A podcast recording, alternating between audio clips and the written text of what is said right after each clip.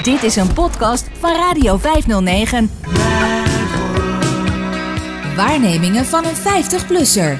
Inge's column bij Radio 509. Het gelijk van meneer Tier. Je kunt het zeker cynisch noemen wat er de laatste maanden gebeurt met het gebruik van gas en andere uitputbare energiebronnen. We weten natuurlijk al heel lang dat we veel zuiniger moeten omspringen met fossiele brandstof en vooral moeten zoeken naar duurzame alternatieven die de aarde niet uitputten en het leven op deze planeet onmogelijk maken. Maar in de praktijk is het toch erg moeilijk om gewoontes te veranderen, met minder genoegen te nemen dan je gewend was. De enige motivatie die daarin echt helpt, is die van het geld. En juist die is, dankzij Poetin, flink ingezet de laatste maanden. Met de oorlog in Oekraïne zijn de gasprijzen enorm gestegen, waardoor eigenlijk zo'n beetje alles duurder is geworden. En nu lukt het dus wel om de thermostaat op 19 graden te houden, niet langer dan 5 minuten te douchen en wat minder auto te rijden. Tot mijn grote vreugde lijken zelfs de terrasheaters, waar ik me al jaren gruwelijk aan erger, plotseling verdwenen. Vorige winter zat de hele Utrechtse binnenstad nog op straat te drinken, te eten en te praten. Nu zijn de terrassen verlaten, op enkele kleumende notoren rokers na, en zit iedereen gewoon weer binnen als het koud en nat is. Dankjewel, Vladimir. Het zou goed nieuws voor het klimaat kunnen zijn, al die zuinigheid met energie. Eindelijk zijn we dan toch zover, zou je denken. Het duurde al veel te lang. Maar ik vrees dat het tijdelijk is. Zodra de prijzen weer naar een normaal niveau zakken, gaat iedereen weer los met heet water, kachel en auto. En moeten we misschien ook weer in de winter buiten zitten.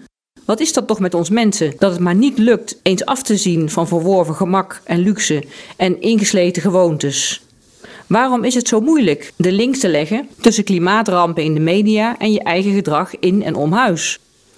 In de jaren 70 waren er al mensen die het begrepen, die het rapport van de Club van Rome serieus namen en zich zorgen maakten over het milieu.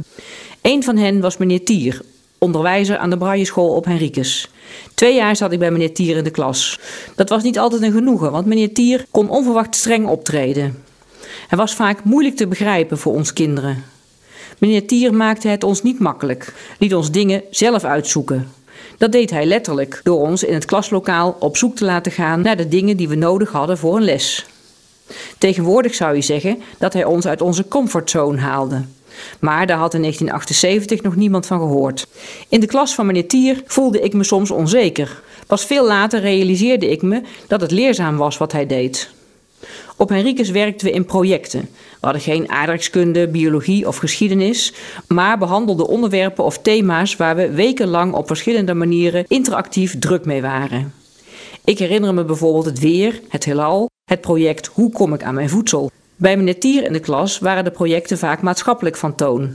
Het ging over de negatieve kanten van consumeren, over luchtvervuiling, afval en energiebesparing. Grote indruk maakte op mij wat meneer Tier ons vertelde over zijn dagelijkse fietstochten van Wiegen naar Nijmegen, waar onze school stond.